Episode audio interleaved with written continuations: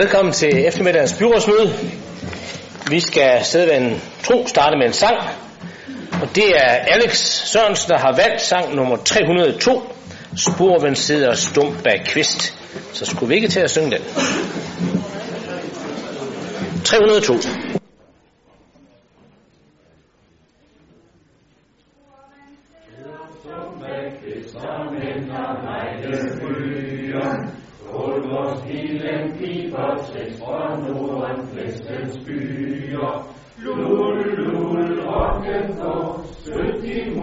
stue, og jo mere vinden slår, des mere får forarven lue.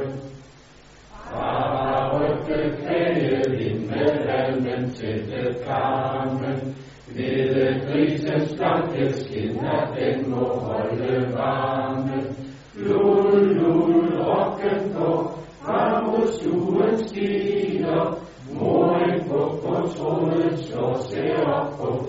Og smiler. Mor kan næppe se sit spind og næppe tråde mage. Hej, der bæres lyset ind og stilles i sin sage. Lul, lul, rocken går, tidens rappe vinge, over fyr og bjælken så en slok af cykelringen. Far således og tunge på med Gud, han visker sammen. Ramler lidt med spændende skrog og lukker med et amme. Lul, lul, rocken går, ensomheden synger. Mulme tæt om taget står, og sneen går i gynger. Her ved moder gamle og hun lærte mig at tage. Synge om den hvide flok og al hans nåde gave. Lul, lul, rocken står med den synder sange. Vil mod mod hjertet går, når kvældene bliver lange.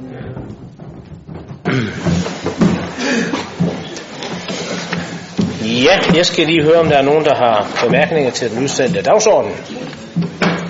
Det så sikkert være tilfældet, så går vi frem efter den. Og næste sag, det er budgetrevision per 30. september, gældende for alle udvalg. Og det er så årets tredje og dermed også sidste budgetrevision, der er gennemført per, per 30. september. Og det er så ved den sidste økonomiske status, inden vi skal lave årsregnskab for det næsten forgangne år. Ved budgetrevisionen er forbruget på samtlige opgaveområder blevet vurderet i forhold til det budget, vi har afsat til det. Og det resulterer i, at budgettet for 2017 samlet set reduceres med 153 millioner kroner. Budgetrevisionen kan opdeles i tre hovedklumper. Ja, det må nu være 216, 2016. Det reduceres med 153 millioner. Budgetrevisionen kan revideres i tre hovedklumper. 101 millioner kroner, det vedrører tidsforskydninger på hovedsageligt anlægsprojekter. 20 millioner kroner i mindre forbrug vedrørende førtidspensionister, hvor vi dog allerede kendte mindre forbruget på forhånd. Og så er der 32 millioner kroner, som går i kassen, og det er ting, som hovedsageligt vedrører finansieringsområdet, herunder også mindre udgifter til arbejdsskader. På baggrund af den gennemførte budgetrevision, så vurderes det, at budgettet for 2016 fortsat ser rigtig fornuftigt ud, med et forbrug, der ligger under de rammer, vi bliver målt på fra statens side. Det er samtidig også en indikation på, at det endelige årsregnskab vil medføre et overskud, som kan tilføres kassen ved regnskabsafslutningen for 2016 eller overføres til 2017 eller senere. Jeg skal høre, om der er bemærkninger til denne indstilling. Det var der ikke sådan her med godkendt. Så går vi til noget ganske andet. Det er nemlig afskaffelse af daginstitutionernes lukkedage. Og det vil Diana fortælle os lidt om. Det vil jeg gerne, ja. For i januar i år, der besluttede vi her i byrådet at afskaffe lukkedagene i de kommunale og selvejende daginstitutioner som et forsøg i 2016.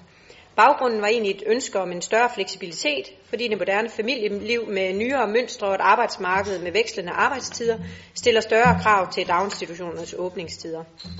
Derfor valgte vi at afprøve i 2016 en ordning, hvor daginstitutionerne uanset antallet af børn, de skulle holde åben på de dage, der ellers siden 2007 har været lukkedage, eller alternativ pasningsdage, tror jeg, Hans Erik Møller ellers vil sige lige om lidt.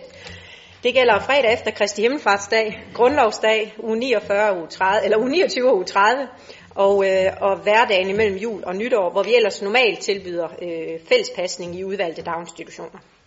2016 er nu snart gået, men dagtilbud vurderer, at et år faktisk er for kort en periode at evaluere forsøget og fremmødet i daginstitutionerne på.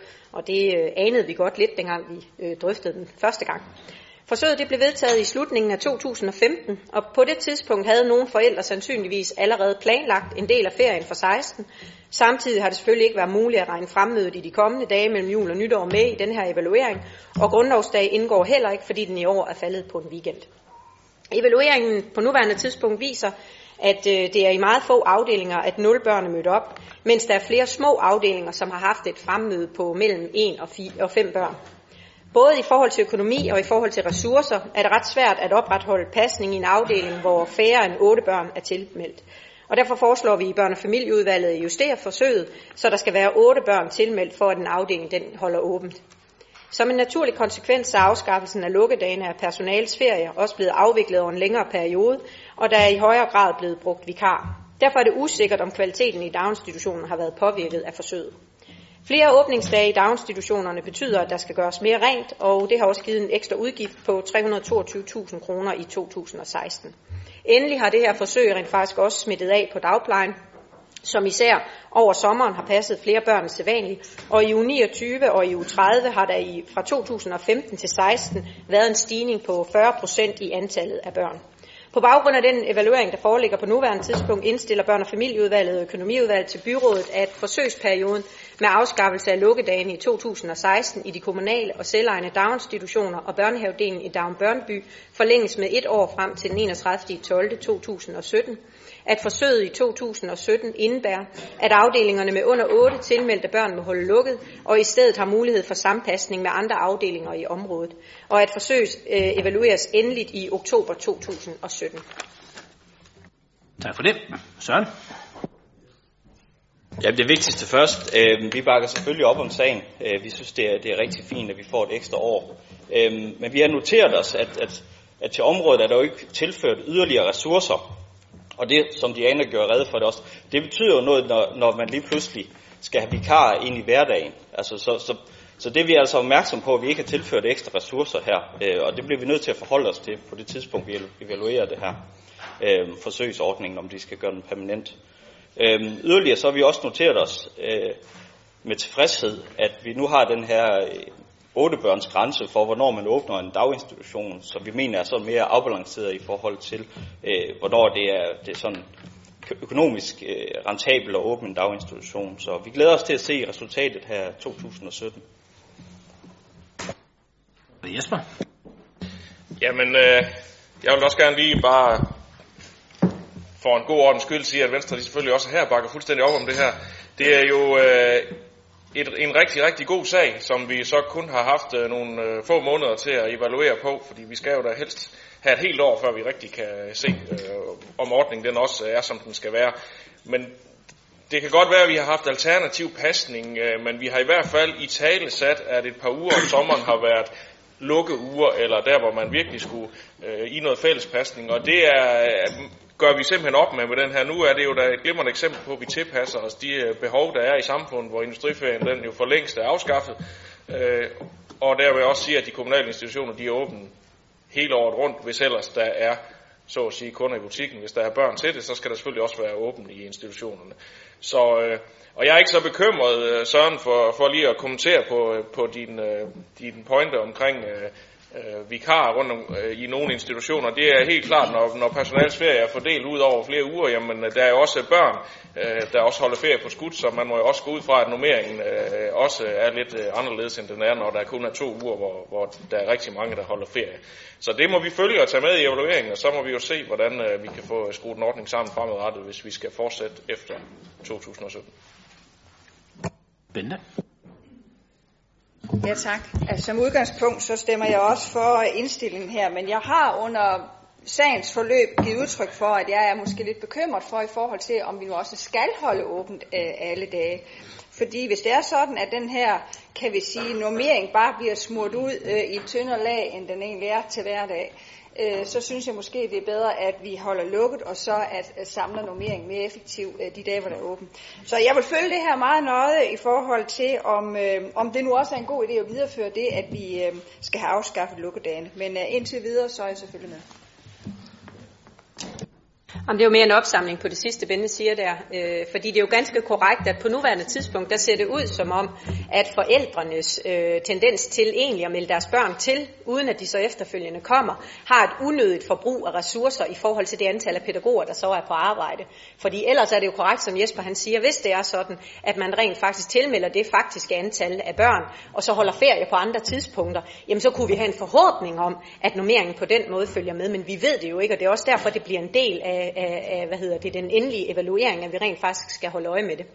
Men jeg synes, det er bekymrende, hvis det er sådan, at vi ikke kan få forældrene til mere, øh, hvad skal man sige, ansvarligt at melde til og fra i forhold til, om deres børn kommer eller ej. Fordi så er det jo netop, at vi bruger unødvendige ressourcer på at holde nogle afdelinger åbne, fordi man som forældre tænker, jamen nu melder vi bare til, uden egentlig at tage ansvar for os at melde fra igen. Fordi der er man jo nødsaget til at finde ud af, hvordan og hvorledes vi kan få strikket det sammen. De steder, hvor bestyrelserne rent faktisk har taget aktivt action i forhold til at kontakte forældrene og gå i dialog med dem om vigtigheden af netop at huske at melde ferie og også melde deres børn fra eller til, jamen der har der faktisk også været en højere procentdel af børn, der også rent faktisk har holdt ferie der, hvor de skulle holde ferie, og mødt frem der, hvor de har meldt det, og dermed er ressourcerne ikke blevet anvendt unødigt, som det er andre steder. Så der er jo nogle muligheder endnu, men derfor bliver det spændende at følge, fordi jeg synes jo, det er rigtigt nok, vi har jo ikke tilført ekstra ressourcer til det her, det vil da være ærgerligt, hvis det er sådan, at man unødvendigt bruger ressourcer, øh, og i særdeleshed, hvis børnene slet ikke dukker op, så det rent faktisk er pædagogtimer, der kunne have været anvendt bedre. Så. Ja, ganske kort. Øh, vi kan tilslutte os øh, langt de fleste af de kommentarer, der er kommet her, specielt med bekymringen omkring øh, nummeringen, og at netop som Bente siger, hvis vi bare øh, smører det lidt tyndere ud, så, så går det hele nok. Øhm, så det er selvfølgelig også noget af det, vi gerne vil holde øje med. Øh, og så øh, glæder vi os rigtig meget til at se evalueringen, både fra forældre og fra pædagoger og diverse bestyrelser.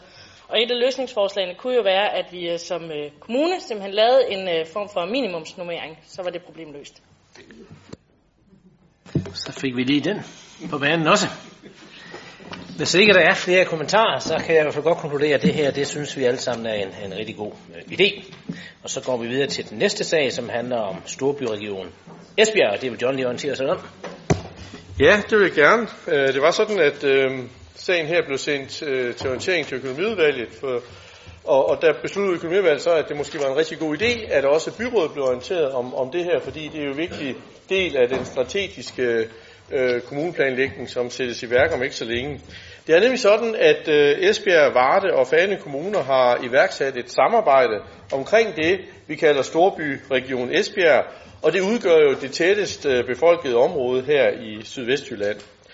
Den tekst, vi har som bilag på dagsordenen i dag til byrådet, det er egentlig udarbejdet som en form for fælles platform for det her samarbejde imellem de tre kommuner, og den tekst vil indgå i alle tre kommuners forslag til kommuneplan, som skal sendes i høring her i løbet af det kommende år. Formålet med Storbyregion Esbjerg, det er at styrke udvikling og vækst gennem Storbyregionens samlede potentiale og den attraktivitet, vi har. Set fra vores kommunes synsvinkel, altså her fra Esbjerg Kommunes synsvinkel, ja, så kan Storbyregionen jo være med til at sikre Esbjerg Kommunes plads på den nationale vækstdagsorden, hvor vi jo ser rigtig mange steder, at der dannes de her storbyregioner. Det er vigtigt, at øh, vi her i Esbjerg Kommune fortsat kan positioneres i et større nationalt perspektiv. Og teksten her er sådan set en fælles overligger for Esbjerg, Vardes og Fanøs øh, kommuneplaner, og øh, det vi gerne vil med det, det er jo at sikre både en politisk her fra byrådets side, men også at forvaltningen har fokus på den retning, vi sætter her, men også de mange tværgående indsatser, som kan skabe en synergi for vores område som helhed. De tre temaer, som er fastlagt øh, i det papir her, det er bosætning, det er infrastruktur og det er turisme. Ved at vi så arbejder sammen, kan vi sikre, at vi udnytter den særlige DNA, om jeg så må sige, der præger de bybilleder, vi har i det her område, nemlig Esbjerg, Ribe, Varde og Nordby, og bruge det til at, at sige, at de forskelligheder, der er her, det er forskellige varer på hylden, som kan være med til at øge bosætningen. Og så kan vi samtidig arbejde for at by, byudvikle hele det her område som en helhed, men med respekt for de her særlige karakteristika. Esbjerg bys status som studieby kræver en rigtig god infrastruktur, også i forhold til vores øh, nabokommuner. Og sammen er det nødvendigt, også for vores primære vækstmotor her i egnen, nemlig Esbjerg Havn, som jo i øvrigt er Nordeuropas største udskibningshavn for de store vindmøller, der skal etableres ude i havet. Turisme er jo så især den fællesnævner, som virkelig giver mening for de her tre kommuner, hvor vi helt klart kan supplere hinanden på allerbedste vis. Jeg kan afslutningsvis sige øh, til byrådet her, at den her fælles tekst og platform, den får faktisk en premiere i Varde Kommunes øh, kommuneplanforslag, som nemlig forventes at blive offentliggjort her i januar 2017. Her i Esbjerg Kommune forventer vi, at vi kan sende en kommuneplan i høring omkring øh, midten af det her år her. Ja, tak. Tak for det, John.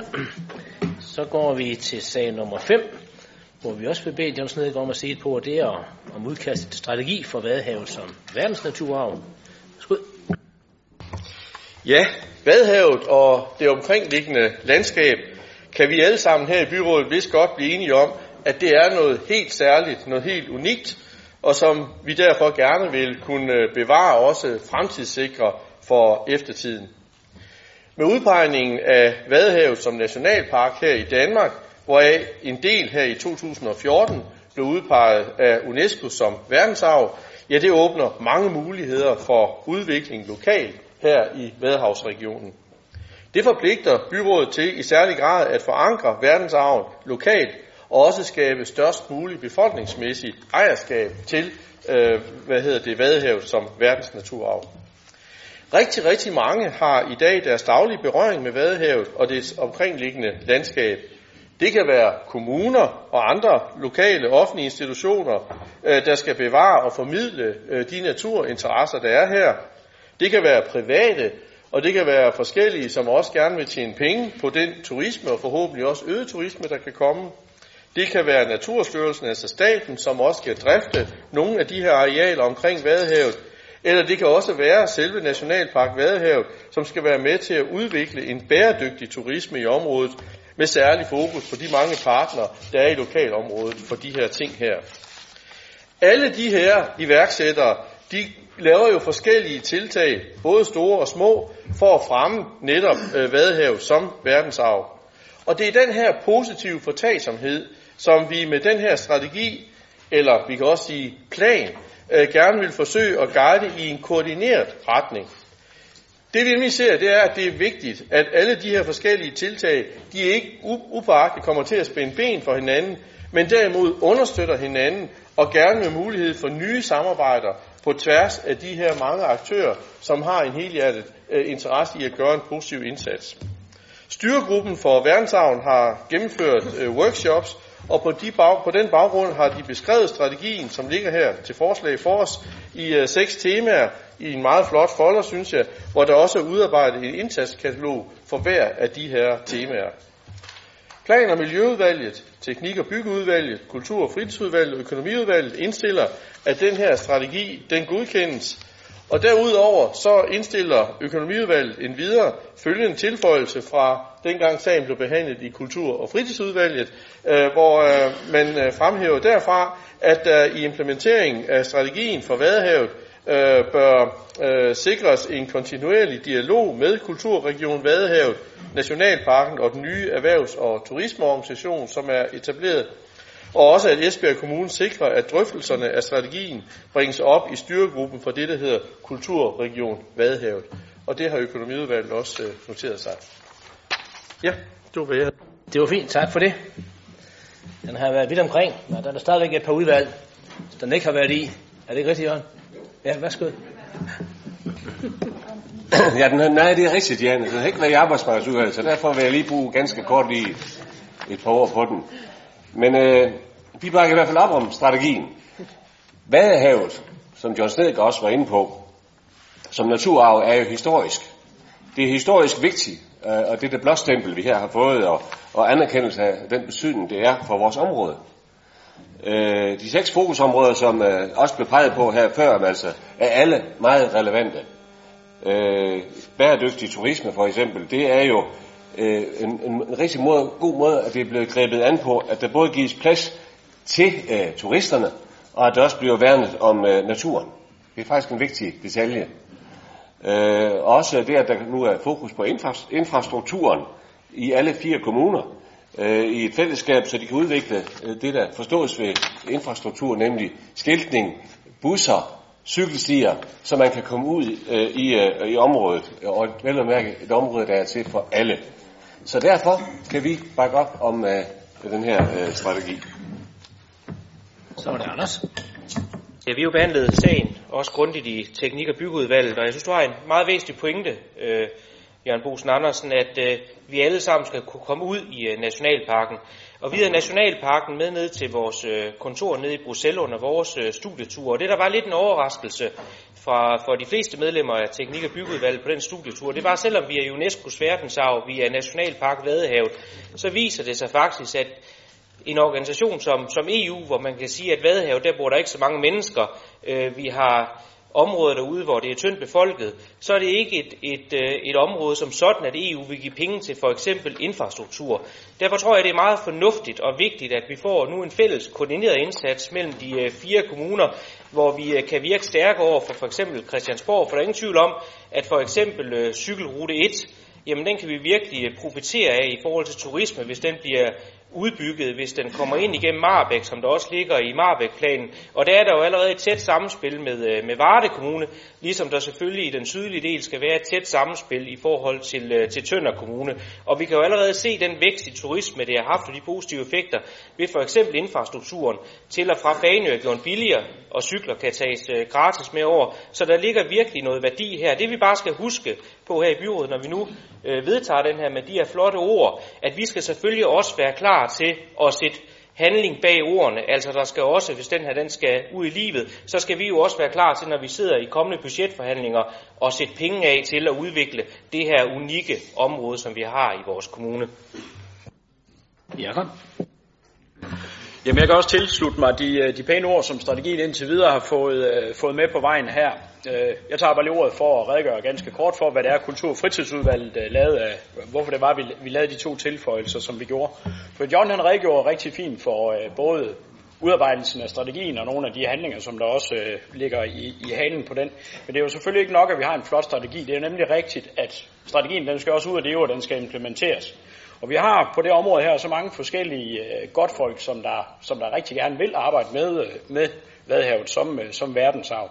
Og derfor så er det selvfølgelig også øh, vigtigt, at man holder den her, det her høje niveau af dialog, for at man ikke laver tingene dobbelt, og også for at kombinere kræfterne, kan man sige. Og øh, i forhold til et andet punkt, som kultur- og fritidsudvalget de tilføjede, så kan jeg så fortælle byrådet, at allerede her på torsdag, der har vi næste styrgruppemøde i den regionale kulturaftale, hvor Esbjerg Kommune har bedt om at få det her punkt her på. John? Jamen, jeg vil øh, bare sige, sige tak for de øh, positive øh, kommentarer, der er kommet fra Jørgen Bosen Andersen og fra Anders og fra, fra Jakob her. Øhm, det jeg godt lige vil, vil, vil slå en lille knude omkring, det er netop lige præcis det, som Jørgen Bosen Andersen fremhæver ved at sige, det her det handler om, at vi skal gå hånd i hånd med både øh, det, at vi har en meget sårbar og meget unik øh, natur, men den er også kun interessant, hvis det er sådan, at både byens borgere og turister, turister kan komme ud og, og se den natur og få værdi og glæde af den. Men det skal så kunne ske på en bæredygtig måde. Fordi det, der sker her, det er jo, at vi både har en natur, vi har noget turisme, og vi har også noget landbrug. Og alt det her, det skal gå hånd i hånd, for at vi kan få det her til at, at fungere. Og så synes jeg, at det er rigtigt, som Anders var inde, inde på at sige, og det var også det, jeg prøvede at fremhæve, nemlig at sikre en fælles koordineret indsats. Fordi der synes jeg også, at styregruppen her og vores forvaltning har været gode til at udvise rettidig omhu, nemlig at sørge for at få lavet sådan en plan, få lavet sådan en strategi, før der kommer en masse handlinger ud i livet, som måske ikke er særlig koordineret. Og derved tror jeg også, at vi får skabt en, en, en bedre øh, synergi, at øh, tingene de kan gå i takt, frem for at, at øh, det måske går lidt i, i hver sin retning. Og derfor tror jeg også, at øh, det at øh, få tingene til at leve og, og få, få, få lavet nogle øh, idéer til, hvad er det, der kan tages fat på. Det også kan være en god guideline for at få sikret den der bæredygtighed, som også du øh, fremhæver, Jan Poulsen. Ja, tak. Ja, vi kan konstatere, at strategien den er der fuldstændig i enighed om, så den er hermed vedtaget. Så går vi til sag nummer 6, som handler om pårørende politik. Og Henning Ravn, vil du fortælle os lidt om det? Ja, det vil jeg, og den har kun været behandlet i sundhed og omsorg og økonomiudvalget, så til orientering indtil videre. Se, pårørende, det er vigtige nøglepersoner, både personligt og i den enkelte borgers liv. Og når det handler om, hvordan vi i fællesskab hjælper en borger bedst muligt.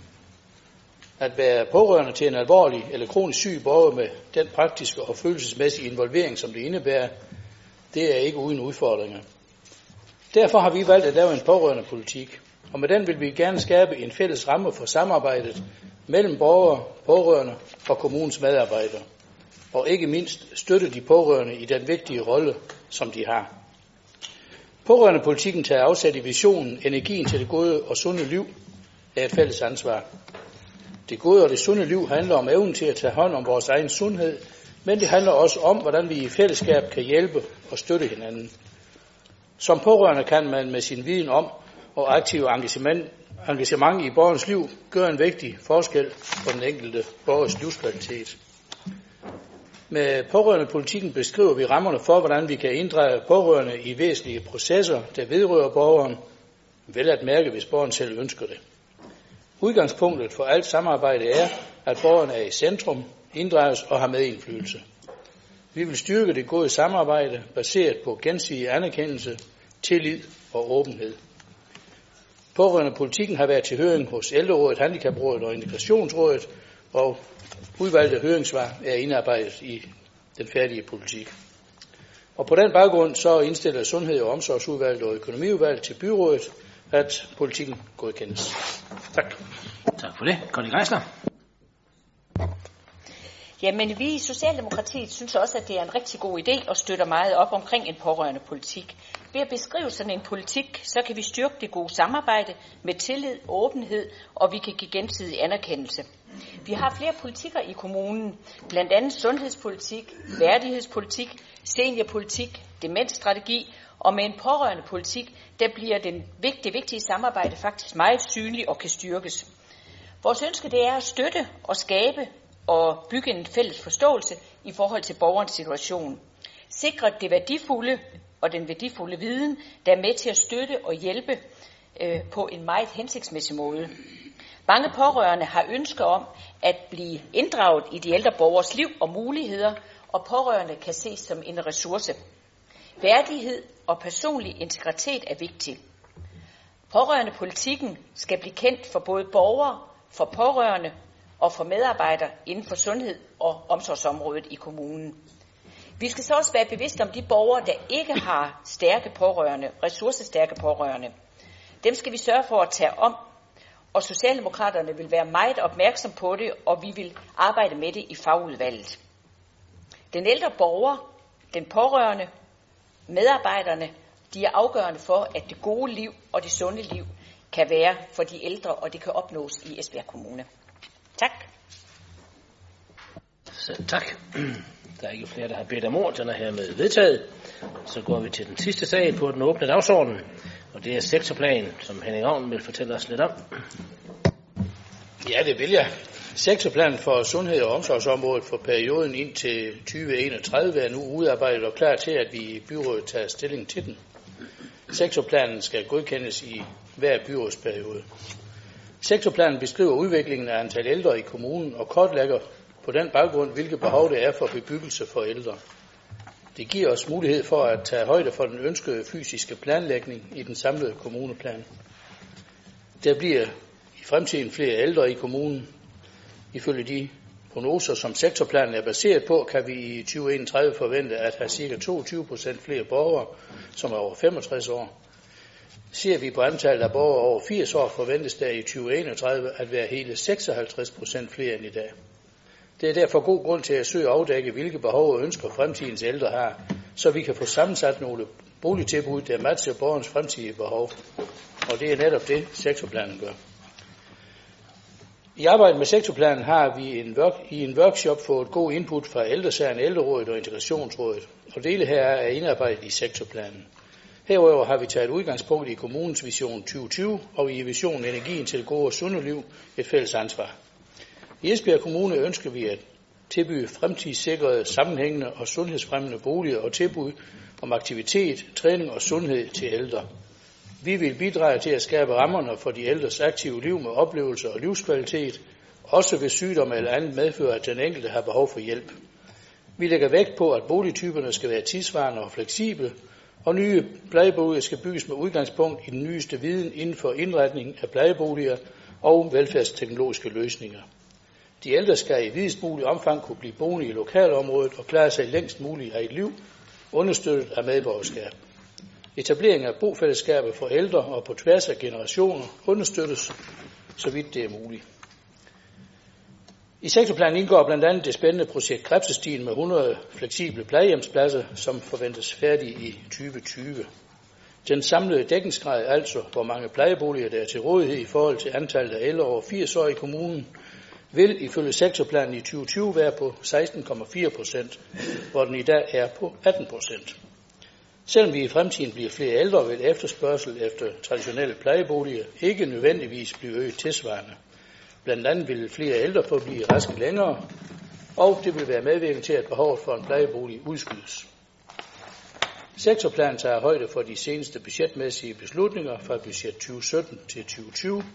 Planen har været til høring i ældrerådet, og svaret herfra har ikke givet anledning til ændringer.